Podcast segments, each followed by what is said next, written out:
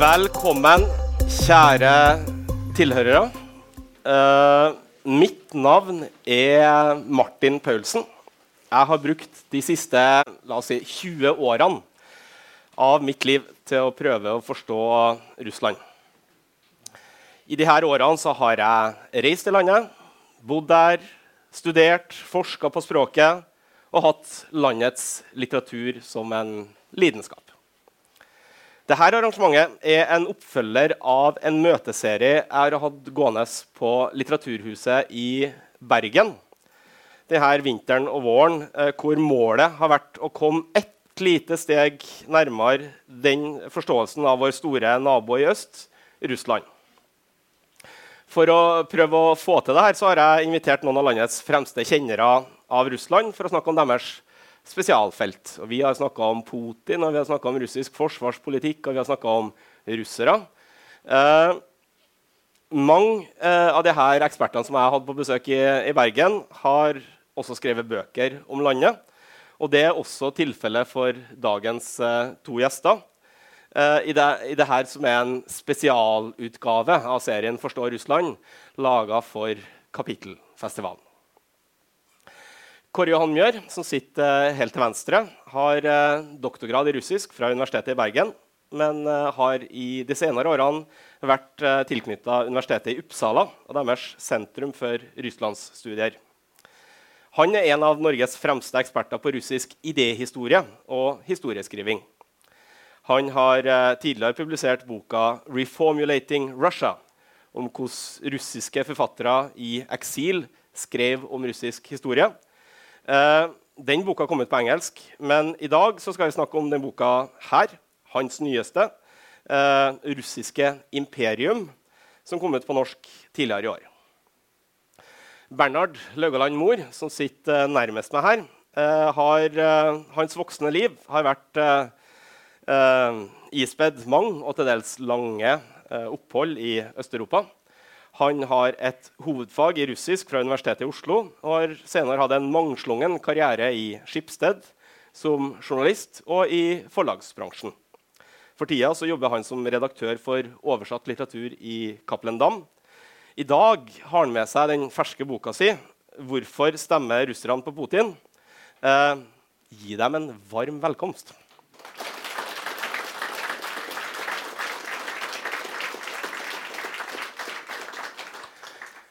Tittelen på dagens eh, arrangement er 'Forstå den russiske revolusjonen'.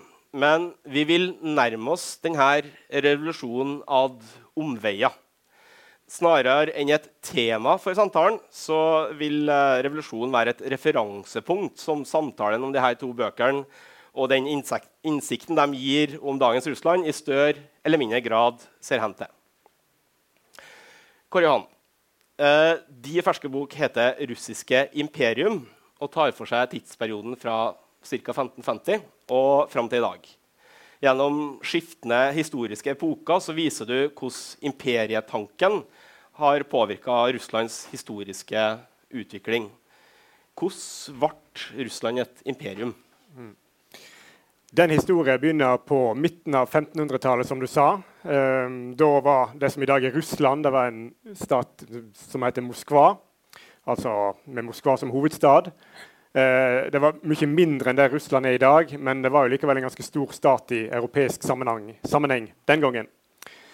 Men uh, på begynnelsen av 1550-tallet så erobra uh, Moskva-staten en nabostat, kanatet Kazani, ved Volga som også i dag er russisk kjerneområde. Det er sentralt i Russland, men den gangen var det utenfor Moskva. Eh, der bodde det ikke ortodokse slavere, men der bodde det muslimer. Så det var en muslimsk stat som ble erobra av Moskva. Og Da begynner historien om Russland som imperium, som en si, sammensatt stat med flere religioner og eh, ulike eliter. Eh, det var en erobring som Kirka var veldig aktiv med å eh, legitimere som en kamp mot de vantru. Det var et korstog mot islam. Eh, men samtidig ser en jo snart at eh, styringseliten, den administrative eliten begynner å samarbeide med de lokale muslimene. Og Det er ganske typisk for hvordan imperiet utvikler seg. Um, det, altså en, så det begynner med en ekspansjon østover. og russer, eller moskovittene fortsetter jo østover ganske kjapt. Mot Steppo i sør-øst og mot Sibir. Og bare 100 år senere, midten av 1600-tallet, så har de nådd Stillehavskysten. Eh, deretter så fortsetter jo imperiehistoria med eh, ekspansjon vestover. Eh, begynner med kosakkene i det som i dag er Øst-Ukraina, som blir en del av tsarens rike på midten av 1600-tallet.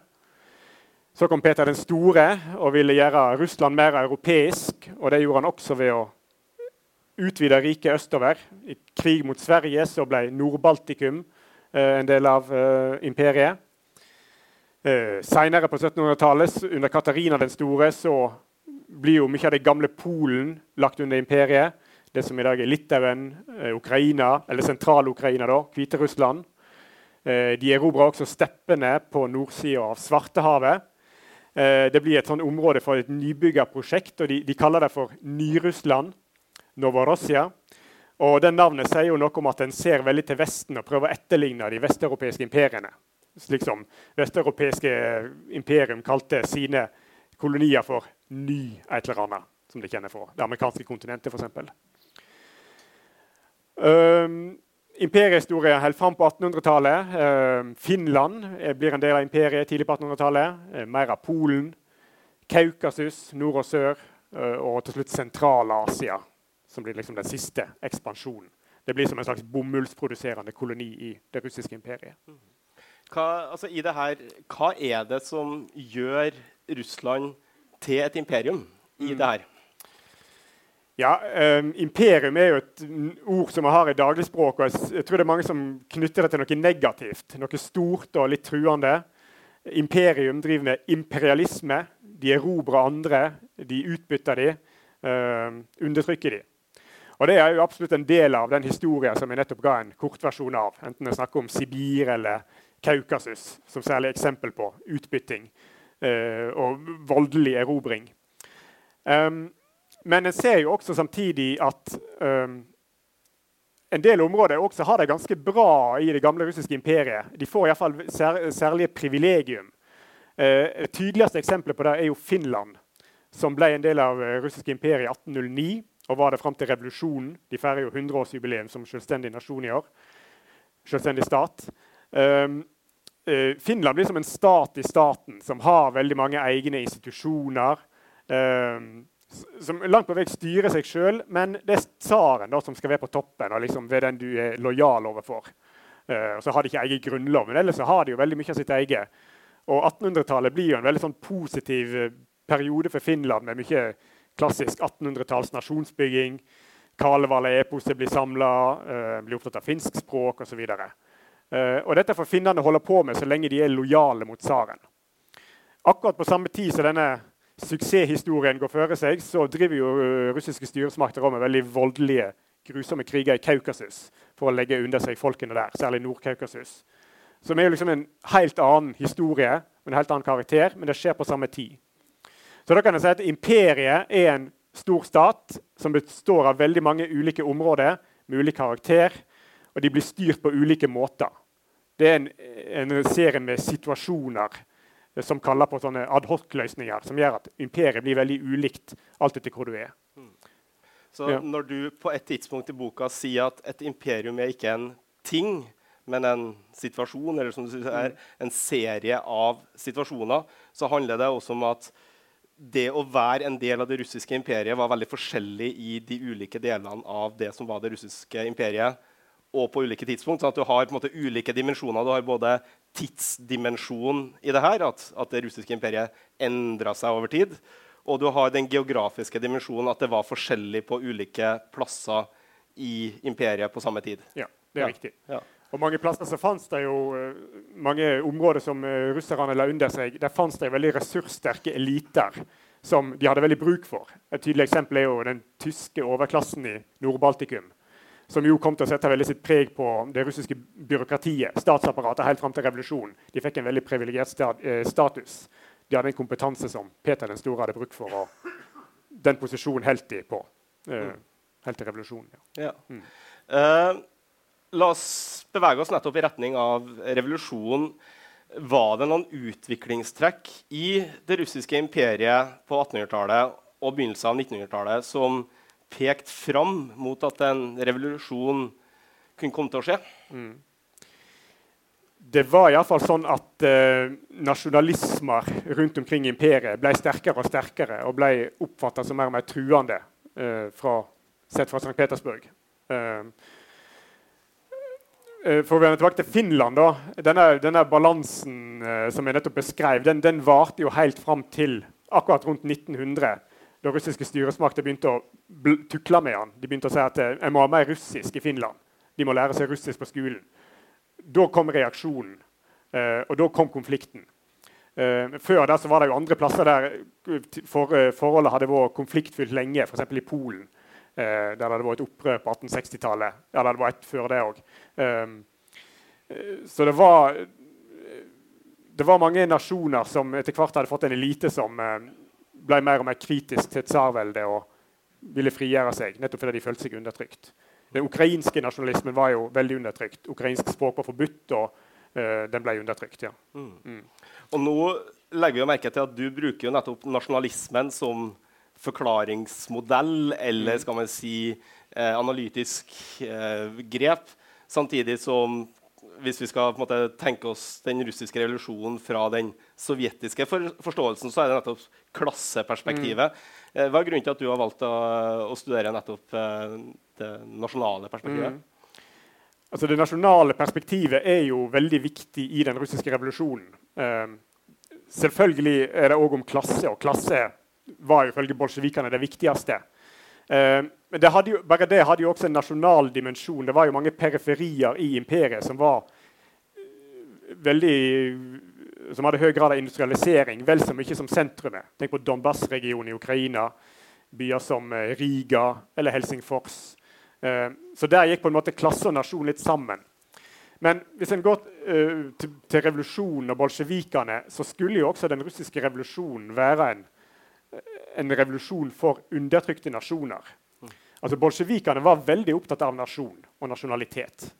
Eh, de hadde ikke hatt makta mer enn ei uke, eh, altså etter denne eh, okto eh, oktoberrevolusjonen 7.11. Eh, etter ei uke kunngjorde de et dekret som proklamerte alle nasjoners rett til selvbestemming.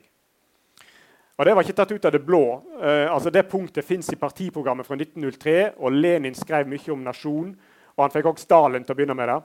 Stalin skulle være eksperten på, på nasjonal, nasjonalitetspolitikk i det russiske imperiet, eller i den nye sovjetstaten. Um, og det Lenin gjorde, det var at han innførte et skille mellom nasjonalismen til undertrykkerne. Den fordømte han, og i hans tilfelle var det den russiske. Og Det skilte han fra nasjonalismen til de undertrykte, som han så som en progressiv kraft, eh, som også kunne bidra til å føre revolusjonen videre. Um, så de åpna opp for at nasjoner kunne erklære seg selvstendige. Uh, og det var det mange som gjorde. Finland hadde alt gjort det før revolusjonen. Og nå fulgte veldig mange etter. I Baltikum, Hviterussland, Ukraina. kom en veldig masse sånn nasjonale selvstendeerklæringer. Men, men betyr det du sier nå, at uh bolsjevikene hadde vært opptatt av nasjonalitetsspørsmålet såpass lenge at det for dem stakk dypere enn at det bare var takt, et taktisk grep for å få støtte til revolusjonen mm. i en periode etter uh, revolusjonen høsten 1917, ja. hvor de sto relativt svakt? Ja. ja. Det er et godt spørsmål. Um, og Det er jo vanskelig å svare på de er, hvordan de egentlig oppfatter nasjonen, men, men jeg tror det. da. Um, fordi at når du kommer på 1920-tallet, så ser du at Sovjetunionen bruker enorme ressurser på nasjonsbygging eh, rundt omkring i den nye staten sin. Altså Det som skjer, det er at når du kommer fram til 1922, så blir jo Sovjetunionen proklamert. Og Da består jo den nye Sovjetunionen av nesten hele det gamle imperiet. Finland var ikke med, og Baltikum var ikke med i den omgang, men likevel veldig mye av det gamle imperiet og veldig mange områder der det hadde blitt ført kriger for å bli selvstendige. Ukraina, f.eks. Hviterussland. Eh, Kaukasus. Så tilsynelatende så har jo da imperiet gjenoppstått. Um, men, men, Lenin og hans uh, frender var veldig obs på den trusselen fra uh, denne nasjonalismen i periferien. At den må en på en måte uh, hanskes med. og det må vi ta inn over oss, og det må vi ta på alvor. Mm. Uh, så, så, det var jo legitimert, eller det var jo en pragmatisk grunngivning for at en skulle gi nasjonene stort spillerom på 1920-tallet. Um, men samtidig gjør de det i så stor grad at kanskje tror de mer på nasjonen enn de sa. Altså, Lenin var jo såpass marxist at han trodde at nasjonen var noe som hørte til kapitalismen bare. Uh, som et ledd i utviklinga ja. fram mot uh, ja. Og alle måtte gå gjennom den fasen for å bli moderniserte. Altså, Revolusjonen i Russland var jo også et moderniseringsprosjekt som skulle føre de tilbakestående framover. Mm. Um, men som sagt, de bruker veldig mye ressurser på dette. her. Altså, veldig Mange nasjoner blir jo skapt på 1920-tallet i form av at de får institusjoner språk blir utvikla, lokale eliter blir skapt. Mm. Um. Uh, vi er jo vant med å se for oss en revolusjon som et absolutt brudd eh, med det som har vært før. At eh, da snur man ting på hodet, da gjør man ting helt nytt. og i så måte så kan vi jo tenke på det russiske revolusjonen som et brudd med imperietradisjonen. Men det du antyder nå, er at det var en større grad av kontinuitet enn det som ligger i begrepet revolusjon?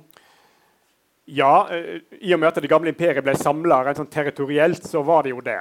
Uh, og du kan jo si at en del av de tingene bolsjevikene gjorde, hadde jo imperialistiske trekk. Altså De sendte jo Den røde armeen inn i Ukraina for eksempel, og kasta uh, lokale regjeringer der. Uh, det mest tydelige eksempelet er vel Georgia, der det faktisk fant et sosialistisk lokalt styre, en mensjevik-regjering, som styrte. Men der òg sendte jo da bolsjevikene inn Den røde armeen og tok, tok Georgia. Eh, Lenin skal visstnok ikke ha likt det, men uh, den ganske aggressive Sergio Orjonikidze uh, sto på det. Han var georgier. Han ville at Georgia må være med. Og Lenin innrømte jo òg at vårt prosjekt trenger korn i Ukraina, olje i Kaukasus, bomull i Sentral-Asia. Um, men samtidig hadde jo da Så der er kontinuiteten. Uh, men så, samtidig blir det jo legitimert med en sånn antiimperialistisk uh, logikk, eller retorikk. Uh, at den, det, Sovjetprosjektet skulle ved en frigjøring av de undertrykte nasjonene. Og det skulle da skje innenfor den nye staten. Så det, var, det, ble på en måte et avkoloniseringsprosjekt styrt ovenfra. Ja. Ikke utelukkende ved nasjonene sjøl, men ovenfra. Mm. Bernhard, vi må komme inn litt på boka di også. Uh, de bok tar for seg et langt mer avgrensa tidsrom. Vi kan vel kanskje si at uh, eh, sjøl om uh, det på en måte uh, tar utgangspunkt i de siste ti årene, så, så, så skuer det jo på en måte også hen, hen på hele utviklinga fra Sovjetunionens sammenbrudd og, og fram til i dag. du har intervjua et knippe av dine tidligere kollegaer i ei avis i Moskva, hvor du var ansatt som Skipsteds norske representant, og hvor dere skulle etablere og drive ei gratisavis i Moskva. Eh, og det Du har gjort er at du har intervjua dine tidligere kollegaer om deres syn på landets utvikling de siste årene. Eh, Hvilken innsikt kan disse intervjuene gi norske lesere i hva som skjer i dagens Russland? Uh, jeg håper, Ambisjonen har vært å, å prøve å formidle eh, hvordan livet arter seg for uh, den urbane middelklassen, som er den jeg er opptatt av. Um, jeg kan si litt om bakgrunnen for prosjektet. Altså, jeg jobba i Russland i 2006 og 2007 og kom inn i et miljø som eneste vestlige uh, på en russisk arbeidsplass som hadde norske eiere, riktignok. Um, som var dominert av folk som, som hadde eh, reist mye i Vest-Europa, og som hadde skal vi si, liberale holdninger, interessert i det som foregikk i Vesten, nokså kritiske til eh, presidenten sin, Putin, som på det tidspunktet var omtrent midtveis i sin eh, andre periode. Um, så kom finanskrisen, som uh, spente bein under dette avisprosjektet vårt ganske kraftig. Skipsted fikk litt andre prioriteter og solgte avisa tilbake til de lokale gründerne. Selv fikk jeg Russland litt på avstand og bytta jobb, men beholdt en ganske sånn overfladisk forbindelse til de gamle kollegene gjennom Facebook. det som rysta meg og vekka meg og ga meg ideen til å skrive denne boka, det var uh, uh, Maidan-revolusjonen i Kiev i 2014.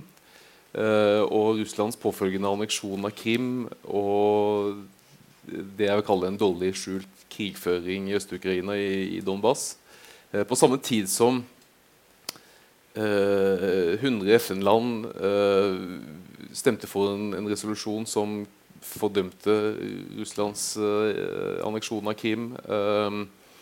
og ja, kritikken var massiv fra Vesten. så fikk jeg et helt annet bilde i, på Facebook fra, fra, mange av de gamle kollegene. Uh, en av de, de som jeg huska som, som liksom mest uh, Putin-kritisk og veldig opptatt av å reise til Vest-Europa, skrev f.eks. at bomben i Lugansk i Øst-Ukraina det er et uh, forsøk fra, fra, Vesten, fra USA og Nato på å tilintetgjøre det, det slaviske folk. Uh, en annen skrev at USA planla krig i Ukraina alt for 15 år siden. Da ble jeg veldig nysgjerrig på hva var det som egentlig hadde skjedd. For jeg kjente ikke igjen disse holdningene uh, fra ti år. Det stemte veldig dårlig overens med det inntrykket jeg hadde for eh, sju-åtte år siden da jeg bodde der borte. Så mellom uh, høsten 2015 og nå våren 2017 så har jeg reist over og gjort dybdeintervjuer med et tjuetalls urbane middelklasserussere mm.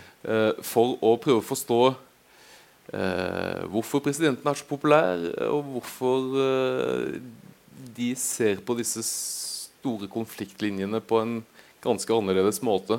Og så er det også en sånn eh, myte, skal man kalle det det, altså eh, om at Putin har støtte da eh, først og fremst hos folk som bor på landsbygda og i mindre utviklede byer, mens den, øh, den, delen av den russiske befolkningen som fører liv som minner mest om våre, hvis man kan si det, altså de som lever i de store byene i europeisk Russland, eh, som har bedre tilgang på, på utenlandske medier, øh, som har lokale medier som, som, forteller andre historier enn det de statseide TV-kanalene forteller. For at de er mer kritiske. Men jeg opplevde jo da at uh, støtten til presidenten og det nåværende regimet er, er, er, veldig sterk også i den uh, urbane middelklassen. Mm. Og, og, det er jo et poeng, for du er tydelig på at du intervjuer nettopp representanter for middelklassen. Og det er jo en begrensa del av befolkninga i Russland som, som, i andre land.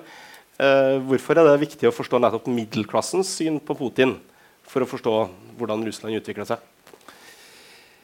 Nei, det er fordi at uh, Russland har jo alltid vært uh, Hva skal vi si Veldig topp, toppstyrt. Styrt fra de store byene, styrt fra Moskva og St. Petersburg. Uh, man kan se for seg at det er middelklassen som har evnen til å, til å, organisere seg, til å styre debatter i sosiale medier og i, i mediene generelt sett og som man potensielt kunne se uh, skape en bevegelse som ville trekke Russland i en annen retning enn det Putin-regimet står for. Og Det var jo også disse menneskene som opponerte mot Putin-regimet høsten 2011, altså før uh, det forrige presidentvalget, da Putin ble valgt til president for tredje gang, og gikk da løs på en periode som snart har vart i seks år. Da gikk eh, opptil 100 000 moskovitter ute i gatene for å vise avstand fra det de opplevde som eh, altså Det var jo valgfusk under parlamentsvalget høsten 2011. Mm. I tillegg så var det jo denne rokaden der eh, Medvedev, som hadde sittet som president i fire år, eh, gikk ut og ville da støtte Putin som president, mens Putin, som hadde sittet som statsminister under eh, Medvedevs presidentskap, ville støtte Medvedev som statsminister. Og dermed ble det innlysende det som jeg tror mange mis, mistenkte, øh, men kanskje ikke helt hadde sett i øynene, at nemlig hva, hva middelklassen ønska, øh, det betød ingenting. Altså De viktige beslutningene ble tatt på bakrommet i Kreml øh, likevel. Og så handler dette også om økonomi. Eh, fordi at eh, denne middelklassen den oppsto jo på 2000-tallet. Altså Da Putin ble president første gang i 2000, så gikk jo Russland inn i en periode med veldig sterk økonomisk vekst. Eh, som bl.a. skyldtes eh, høyere oljepriser. Det førte til at folk fikk en disponibel inntekt som begynte å ligne på om ikke det vi har i Skandinavia, så det folk flest har i sentraleuropeiske land. Uh, Russland fikk på et tidspunkt en BNP per innbygger på nivå med Portugal. Uh, og det som skjedde i 2011, var nok også kulminasjonen av en lengre prosess der folk hadde etter hvert begynt å knytte sin uh, nye velstand til forhåpninger om å være med å påvirke politikken med. Mm, mm. Uh, vi snakka litt om uh, geografi med, med Kåre Johan stad.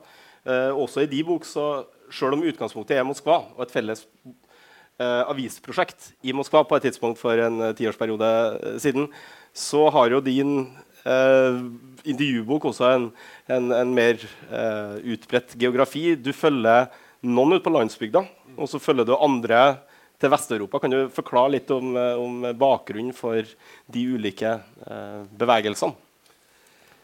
Ja, jeg var øh, Jeg hadde ikke anledning til å, til å, reise til Russland og være der en lengre periode, så det ble øh, seks turer frem og tilbake med, med, med mange intervjuavtaler på, på blokka. Um, så I tillegg til, til Moskva og St. Petersburg, hvor jeg hadde et nettverk, så var jeg også en tur nede i sørvest-Russland, i byene Rastovna-Dano og Taganrog.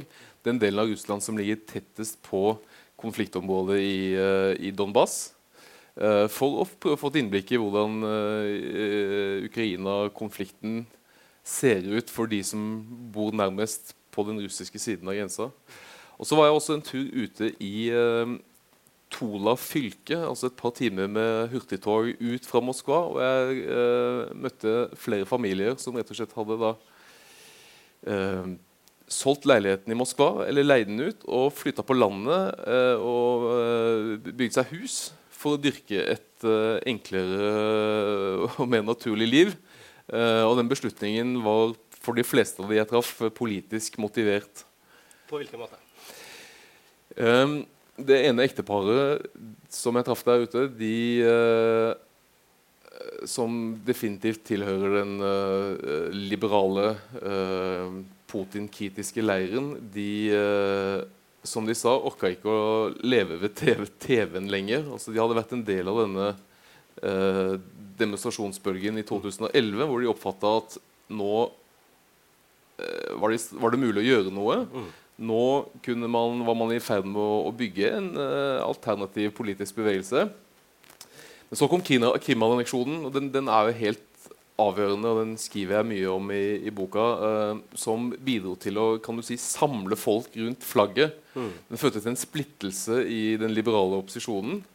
Uh, og de, disse menneskene her de oppfatta det sånn da at det var så få igjen som ønska å fortsette den, den uh, prosessen de hadde hatt under disse demonstrasjonene, at de ja, rett og slett flytta vekk fra TV-en, flytta vekk fra storbyen. Så, flytta det, på landet. I protest å, mot kan du si, Putins prosjekt. da. En, en måte å rømme fra en, måte, en, en, utvikling som de ikke var enig i, og inn i litt mer en sånn privat sfære, kanskje. Bort fra det store og inn i det, det litt mer private, hvor de kontrollerte ting sjøl, sånn som jeg tolker det.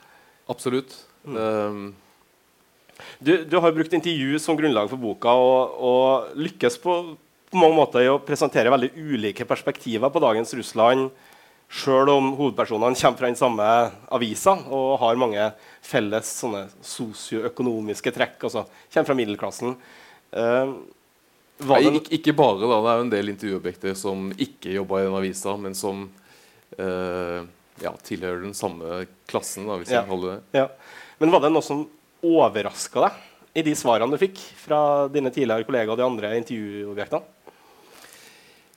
Ja, det som, som, som tittelen på boka sier, er utgangspunktet for disse intervjuene, er jo eh, Putin-regimet som, som vi, eh, jeg, sett fra mitt ståsted i Vesten, opplever er blitt mindre og mindre demokratisk for hvert år og mer og mer autoritært. Én eh, ting er det åpenbare bruddet på folkeretten som Kim-anneksjonen sto for. Mm. Brudd av en rekke internasjonale avtaler. En annen ting er at etter at Putin ble president i 2012, så ble det eh, i ganske rask rekkefølge vedtatt en rekke lover som Eh, helt åpenbart innskrenke ytringsfrihet, bevegelsesfrihet, hvis man blir uh, arrestert for å delta i en ikke-sanksjonert demonstrasjon f.eks., så kan man i dag få en bot som tilsvarer en, en hel årslønn. altså Maksimumsstraffen ble, ble tidobla. Uh, mange av de som hadde vært med i demonstrasjonene i 2011-2012, fikk fengselsstraffer på to og, to og tre år. Uh, den såkalte antihomofililoven uh, det er jo velkjent. Um, og dette med at uh, ikke-statlige organisasjoner som mottar pengestøtte fra utlandet, må merke absolutt all sin korrespondanse med påskriften 'utenlandsk agent'. altså de, Disse endringene kom i, kom i rask rekkefølge. Men det som og, og, og, likevel da så har støtten til, til Putin uh, blitt, blitt, sterkere etter Krim-anneksjonen. Det som har overraska meg mest, er jo den vekta som folk legger på utenrikspolitikk. Mm. Altså Der det var velferds... Uh, altså bedre økonomi og større velferd som var det grunnleggende i samfunnskontrakten mellom presidenten og middelklassen fra 2000 til 2012, da, så er det nå utenrikspolitikken og neoimperialisme, hvis vi kan kalle det det, som, som er det fundamentale. Eh, som jeg skildrer i boka, så er det en del, jeg har en del kilder som er eh, veldig kritiske til regimet i nesten alle spørsmål. Mm. Eh, men som likevel runder av med å si at eh, sånne ting som at Men, men, men du, eh, det er én ting som har skjedd som har gjort at jeg har fått større respekt for presidenten det er at han gjør oss russere stolte igjen ved at Russland nå spiller en større rolle internasjonalt. Eh, og at man har hevda sin rett som man sier, på Krim. Og at man utfordrer USAs eh, hegemoni f.eks. i Syria. Mm. Um, mm. Uh, Korian, vi foretok jo et, et, stort hopp egentlig, historisk fra revolusjonen eh, fram til den tidsperioden som, som Bernhard eh, beskriver. Og jeg må jo skynde meg til å understreke at du tar jo også for deg hele perioden fram til, til, dagen i dag. Eh, og du har jo også vært interessert i hva russerne i dag tenker om revolusjon. Mm. Eh, hvilken betydning har den russiske revolusjonen for, for russerne i dag? Ja, nei, Den har jo tilsynelatende ikke så stor uh, betydning. Det er jo ikke noe en uh, snakker så veldig mye om. I fall, særlig ikke sammenlignet med hvor mye en snakker om den uh, i sovjetperioden. Uh, en grunn til at en ikke snakker så mye om den, er vel at en ikke helt vet hvordan en skal forholde seg til den. Altså, Den er en nøtt for mange. Og Det blir jo veldig spennende å se da, nå om noen måneder hvordan de faktisk vil å feire eller markere revolusjonsjubileet. Et eller annet må de jo gjøre, men hva skal de gjøre? Um, ja, for det, altså, det, er jo slående at Putin har jo omtalt Sovjetunionens sammenbrudd som den største tragedien i eh, det 20. århundre. Hva, ja. hva, har han sagt om, om revolusjonen? Ja, Det er jo et paradoks. sant? Han er veldig stolt over Sovjetunionen. Og det var jo nok en viktig endring med Putin at Sovjetunionen ble på en måte tatt inn i varmen igjen. På 90-tallet Jeltsin og hans eh, folk de snakket jo veldig negativt om hele sovjetperioden. Det var liksom et historisk feilsteg og en parentes, og nå skulle vi tilbake igjen i det normale historiske forløpet. Mm. Putin har tatt inn igjen sovjetperioden og sagt at sovjetperioden er viktig, og den er viktig, et viktig kapittel i russisk historie, i russisk statsbygning. Så veldig pro-Sovjet. Men det er et Sovjetunion som ikke har noe med revolusjon å gjøre. Altså, det snakker han ikke så mye om. Mm. Uh, det revolusjonære opphavet og Generelt er jo revolusjoner et problem for Putin-regimet. Eh, for revolusjoner i dag det er jo noe som skjer i nabolandene særlig. Eh, og som da har vært revolusjoner mot russisk hegemoni, russisk mjuk makt i, i naboområdene. Oransjerevolusjonen i, uh, i uh, Ukraina. Ukraina. Mm. Og i, var det Georgia, Kirgisistan, og så kom det nye i, i Ukraina. Fellesnavnet på alt dette er jo fargerevolusjoner. Eh, så dagens russiske regime er veldig antirevolusjonært. Eh, det er sånn, såleis eh, konservativt i en sånn klassisk forstand. altså Konservatismen var jo en antirevolusjonær ideologi da den oppsto etter den franske revolusjonen. Men revolusjonen skjedde jo, og de må jo si noe om den. Putin kom faktisk inn på revolusjonen i, i sin årlige tale til parlamentet i fjor, desember i fjor. da. Og Da sa han at det var en vanskelig tid, og det medførte store konflikter i samfunnet. Men øh, vi kan bruke jubileet til å liksom øh, snakke om forsoning. At det skal liksom være en anledning for å snakke om forsoning i russisk samfunn. At det fins ett Russland, og folk er ett. Egenskap det er liksom et sånn mantra for Putin. Mm. Så han bruker, det er mitt tips da, at revolusjonsjubileet kommer til å handle om akkurat det der at revolusjonen var tragisk, men vi er tilbakelagt, og vi har samla oss igjen og står sammen. Og klart å bygge opp igjen staten òg. Ja. Uh, Bernhard, tror du at uh, dine tidligere kollegaer kommer til å markere revolusjonen på noen måte? Nei, Det tviler jeg veldig sterkt på. Altså, øh, I løpet av researchen til boka her så var jeg til stede på en av disse her. altså 7. november øh, har jo vært en, en, fridag, nasjonaldag. Men den store dagen i Russland som folk feirer nå med stor interesse, det er jo 9. mai. Altså frigjøringsdagen, eller seiersdagen, som den heter uh, i Russland. Altså for, etter andre verdenskrig. Etter andre verdenskrig. Ja. Mm. Uh, og det som mange av kildene mine sier, er jo at uh, det er jo den ene begivenheten i russisk historie som man er enig om var en, en, stor, en, stor, seier for alle, for hele landet. Mens de andre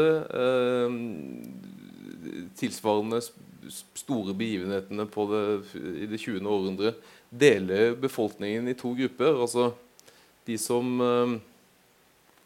Eh, på, på 90-tallet, 90 som, som, en av kildene mine sier altså På, på, på 30-tallet så var det de som torturerte, og de som ble torturert. På 90-tallet så var det de som stjal, og de som ble bestjålet. Uh, mens andre verdenskrig, det forener alle. Uh, så og Det er interessant dette du sier om at uh, man kan se for seg en markering der man snakker om forsoning.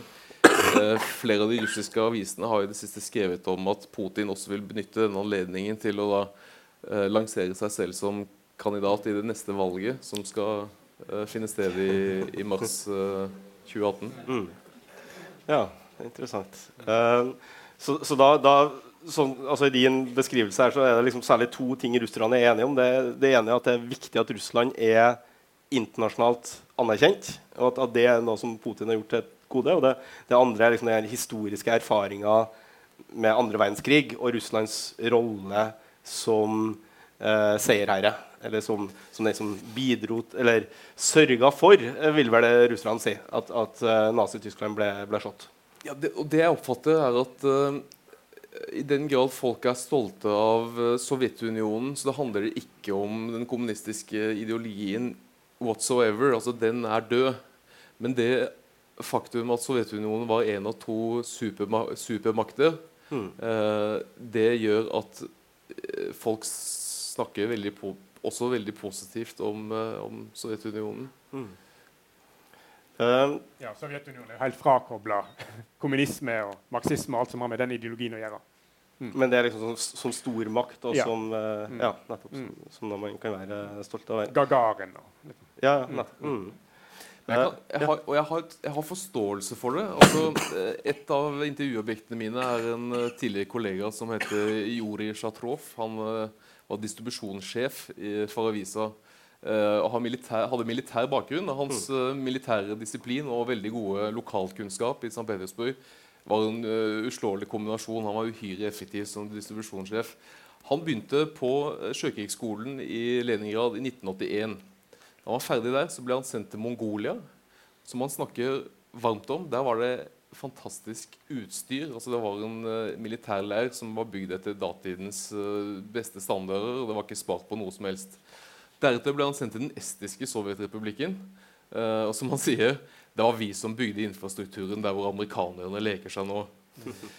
Og de, Så fikk han sitt tredje utenlandsopphold, og det var litt av det tristere slaget, for da ble han sendt til Øst-Tyskland for å være med å demontere altså Dette var da etter murens fall, 1990. 1991. Han ble sendt for å demontere sovjetiske militære installasjoner og sørge for at det ble transportert trygt tilbake til Moskva. Og det er klart at når Putin og regimet i Kreml hva skal vi si da, flekser muskler eller rasler med sablene i, uh, i det nære uh, i nabolandene og gir klart uttrykk for at denne delen av verden den skal vi fortsette å dominere, selv om Sovjetunionen ikke eksisterer lenger, så kan jeg forstå at, uh, at han blir varm uh, om hjertet. Fordi at det er dette, dette preger uh, russere født, født, på 50- og 60-tallet. Og det, det, jeg har forståelse, forståelse for det. Mm. Uh, dere er jo begge inne på den russiske anneksjonen av Krimhalvøya som et uh, vendepunkt i Russlands nyere eh, historie. betyr det her Kåre Johan, at vi igjen må snakke om Russland som et imperium? Ja, Russland har ikke helt blitt ferdig med imperiet noen gang. arven fra imperiet er der ennå. Du finner det på den ene sida i måten den russiske staten ser ut på. Det er jo i dagen, Altså, dagens Russland er jo egentlig den gamle russiske sovjetrepublikken. Og den inneholder jo mange sånne nasjonale republikker inni seg. da. Tsjetsjenia, der det var kriger på 90- og begynnelsen av 2000-tallet. Eh, Tatarstan altså, Jeg begynte jo fortellingen min med Kazan, altså det samme området. hovedstaden er Kazan. Så, så bare selve Russland er jo på en måte et monument og bærer i seg den imperiehistorien. Men så er det jo det som har gjort det enda mer eh, aktuelt i seinere tid, og nettopp Krim men det er del av en større eh, eh, forsøk fra Russland på å gjenvinne et hegemoni i det postsovjetiske området. Altså i de, tidligere, i de statene som tidligere var en del av Sovjetunionen. Um, og Det er de gjort på flere måter. Uh, de prøver jo å få i stand en sånn eurasisk tollunion, litt sånn à la EU, i dette området. Der de iallfall har fått med seg Hviterussland og Kasakhstan og et par land til.